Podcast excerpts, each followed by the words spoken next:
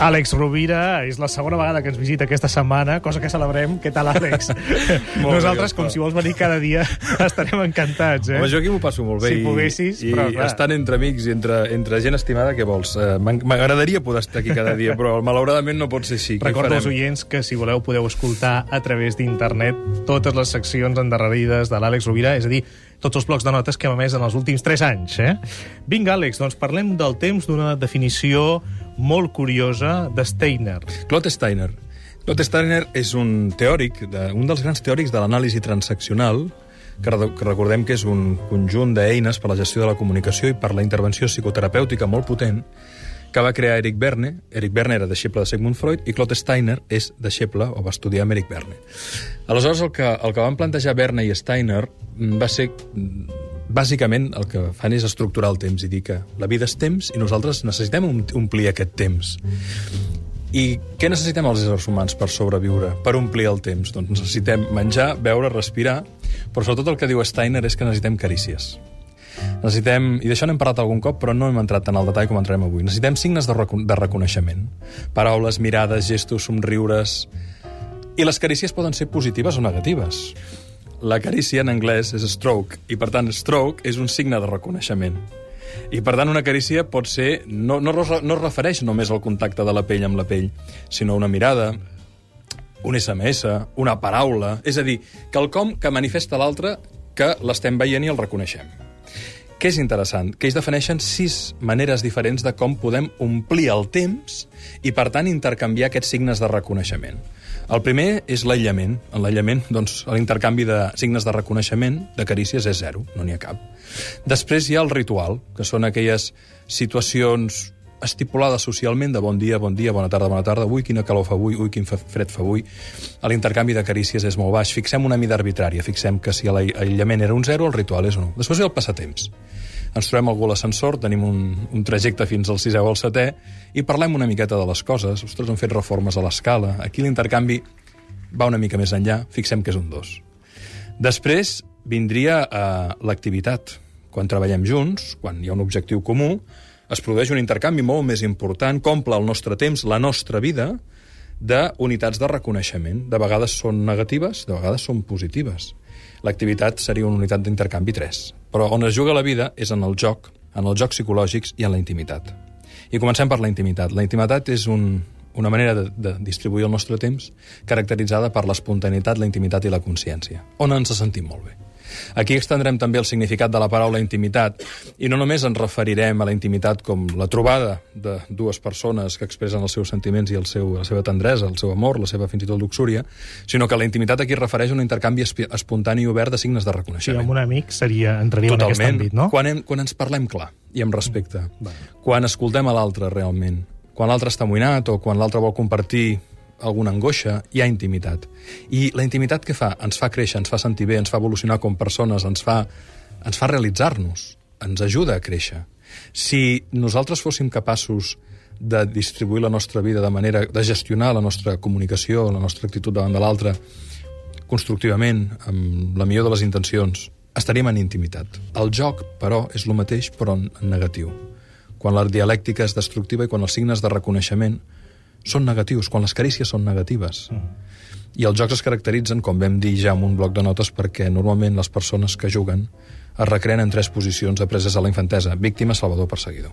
Però Claude Steiner recomana algun d'aquests àmbits especialment? És a dir, per exemple, en el passatemps, en el dia a dia, en el ritual, hauríem d'aproximar-nos a aquesta intimitat o no? No, depèn. Evidentment que hi ha situacions que no podem entrar en intimitat. El que bàsicament la, la reflexió és que on es juga la vida, en les relacions, eh, en la construcció de la qualitat de vida, és molt més bo per les parts tenir una relació basada en la intimitat que no en el joc psicològic. Perquè el joc tendeix a la destrucció de la relació. Què és un joc? I això en parlarem en calma algun dia, no? És una situació repetitiva en la qual la persona recrea en un rol après en la infantesa. I en els jocs, com et deia, normalment o juguem el rol de la víctima, o el del salvador, o el del perseguidor.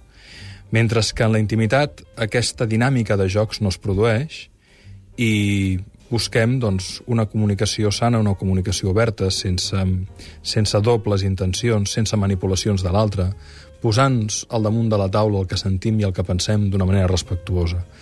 Evidentment que hi ha moments de la vida en què no és possible estar en intimitat. Però, si més no, el que és molt interessant de la feina de Steiner i de Verne, i en general de tot l'anàlisi transaccional, que és un univers infinit de recursos molt potents per la gestió de la comunicació i de la vida en general, és saber que nosaltres podem triar la qualitat dels signes de reconeixement amb els quals ens relacionem amb l'altre per omplir el temps de vida ja que aquesta és la setmana del temps, el temps el podem entendre des del cronòmetre o des de la qualitat que li posem amb les nostres actituds. O sigui, nosaltres el que podem decidir és la qualitat amb què encarem les relacions interpersonals. I en què omplim el temps de la nostra vida. Quan tens relacions que són tòxiques, pots triar no omplir el teu temps amb aquestes relacions tòxiques i renunciar-ne. No? Si tu mires de gestionar una relació que és destructiva, una relació que se't carrega l'autoestima, una relació en la que senzillament, a lo millor, no és que se't carrega l'autoestima, és que no ets feliç no inverteixis temps en això. Inverteix temps en aquelles coses que et, provo que provoquen... De vegades és millor estar sol que mal acompanyat, per exemple, no? I tu podem gestionar el temps així. De vegades és millor dir-li a algú, escolta, que ens relacionem d'una manera que a mi em fa sentir malament, tu. I, i mirar d'entendre'ns, i que no, doncs adeu. I per altra banda, si hi ha gent amb què ens hi trobem a gust, invertim, potenciem la inversió del nostre temps amb aquelles persones que ens fan créixer emocionalment, intel·lectualment, espiritualment, que ens fan, que ens fan ser alegres. És a dir, estructurem el nostre temps de manera que, que la inversió que en fem de vida Home, hi ha vegades que no podrem triar, perquè si a la feina tenim segons quins ambients, doncs no tens més remei de vegades que passar pel tubus i tens que pagar la hipoteca a fi de mes i mentre busques una nova ocupació te la crees, no? Però hi ha, hi ha vegades on tenim més graus de llibertat per triar. A vegades no, malauradament, però a vegades sí. I sabent... És que, a veure, jo, és una obvietat, saps? Que a mi m'agraden molt les obvietats, obviades, no? El, la vida és temps. És que la vida és temps. I cada minut que passa ja no tornarà. I cada moment que passa, cada trobada que tenim, aquest temps, aquests segons que passen, no només hi ha el cronos, sinó hi ha el kairos, la qualitat del temps. I la qualitat del temps és bàsicament la qualitat de, de les interaccions, si estàs amb altres persones, humanes, de les interaccions humanes que generes en aquest procés.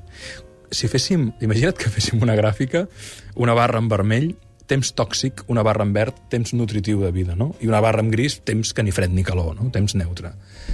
Doncs podem triar moltes vegades. Vull dir, aquesta persona no em ve de gust veure-la i aquesta em fa molta il·lusió veure-la.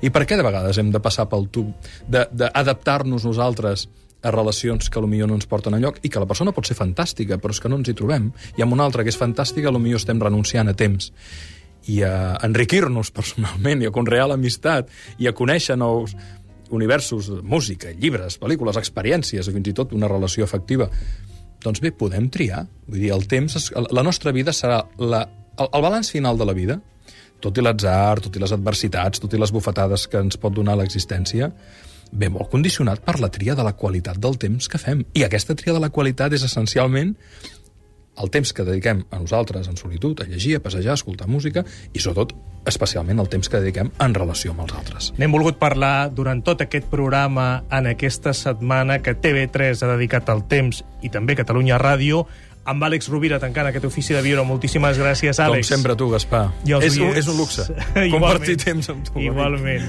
I els oients també, moltíssimes gràcies. Molt bon cap de setmana. Fins dilluns. Una abraçada.